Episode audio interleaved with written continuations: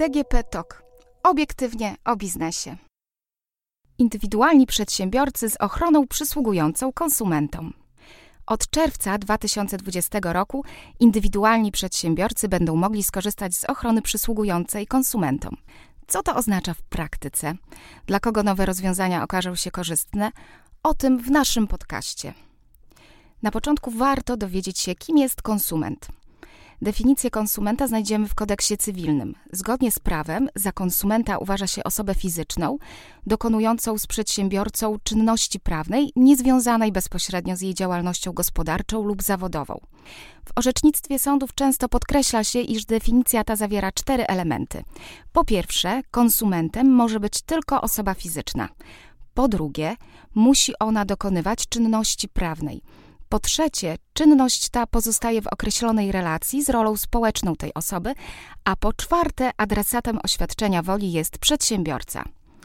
Takie zróżnicowanie dwóch podmiotów, konsumenta i przedsiębiorcy, ma na celu wyrównanie ich pozycji. W relacji z przedsiębiorcą konsumentowi przysługują bowiem określone uprawnienia, natomiast przedsiębiorca w stosunku do konsumenta ma dodatkowe obowiązki, np. obowiązek informacyjny. Obecnie osoby fizyczne będące przedsiębiorcami, jeżeli dokonują jakichś czynności prawnych związanych ze swoją działalnością gospodarczą, przykład robią zakupy w sklepie internetowym czy zaciągają kredyty, nie mają praw przysługujących konsumentom. A są to bardzo istotne uprawnienia, takie jak przykładowo możliwość odstąpienia od umowy czy skorzystania z rękojmi zawady. Ułatwienia w tym zakresie wprowadza ustawa potocznie nazywana pakietem Przyjazne Prawo.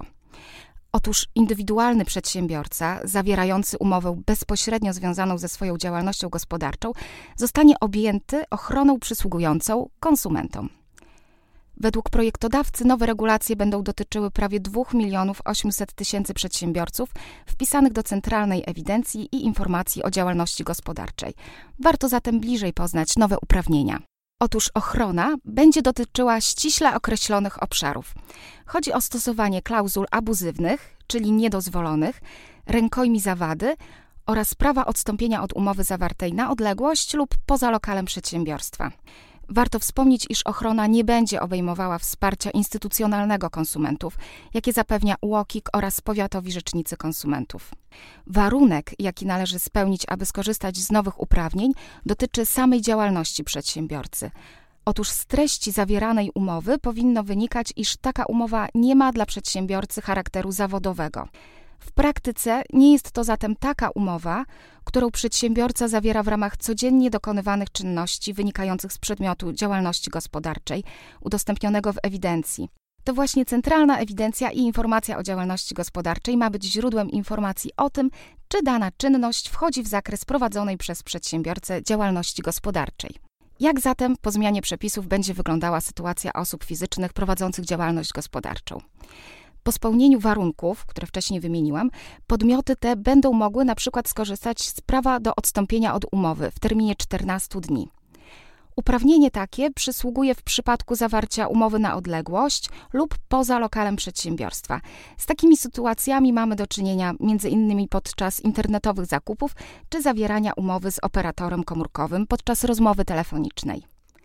Zakaz stosowania klauzul abuzywnych, czyli postanowień niedozwolonych, dotyczy gotowych wzorców umów.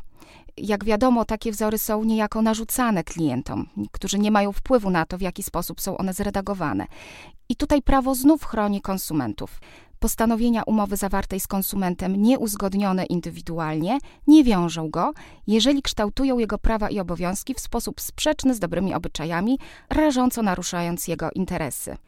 Nie dotyczy to jednak postanowień określających główne świadczenia stron, w tym cenę lub wynagrodzenie, jeżeli zostały one sformułowane w sposób jednoznaczny. Jeżeli konsument podpisał umowę, a po jej dokładnym przeczytaniu uznał, iż zawiera ona klauzulę niedozwoloną, może zwrócić się do sądu o uznanie jej za niewiążącą. Oczywiście takie uprawnienie przysługuje jedynie konsumentom. Rękojmia zawady umożliwia konsumentom odstąpienie od umowy lub obniżenie ceny sprzedaży. Chodzi tu o takie wady, o których istnieniu kupujący nie wiedział w chwili zawierania umowy sprzedaży. Rękojmia jest więc kolejnym nowym uprawnieniem indywidualnego przedsiębiorcy, który będzie korzystał z praw konsumenta. Jak widać, sytuacja osób fizycznych prowadzących działalność gospodarczą i zawierających różnorodne umowy przy wykorzystaniu statusu konsumenta będzie bardzo korzystna. Tak pozytywnie nie przedstawia się jednak sytuacja drugiej strony stosunku prawnego, czyli przedsiębiorcy, który zawiera umowę z podmiotem korzystającym z ochrony konsumenckiej. Z tego powodu przedmiotowe zmiany były krytykowane jeszcze w fazie projektu. Negatywną opinię wyrażały m.in. organizacje przedsiębiorców oraz Urząd Ochrony Konkurencji i Konsumentów. Z jakiego powodu? Przykładowo, sprzedawca internetowy przed zawarciem umowy z indywidualnym przedsiębiorcą będzie musiał dodatkowo sprawdzić w ewidencji przedmiot działalności swojego kontrahenta. Od tego będzie zależało między innymi przyznanie mu prawa do odstąpienia od umowy w 14-dniowym terminie. Określenie tego, czy w danej sytuacji kontrahent występuje jako przedsiębiorca, czy jako konsument, ma również istotne znaczenie dla innych usług, takich jak chociażby kredyty. Potrzeba czasu na ustalenie statusu klienta. Ponadto zawarcie umowy z konsumentem wiąże się z obowiązkiem informacyjnym. Przeciwnicy nowych rozwiązań wskazują również, iż zostały one przewidziane jedynie dla osób fizycznych prowadzących działalność gospodarczą na podstawie wpisu do CEIDG.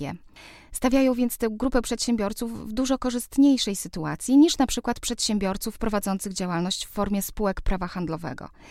Z drugiej strony nie brakuje głosów aprobujących zmiany.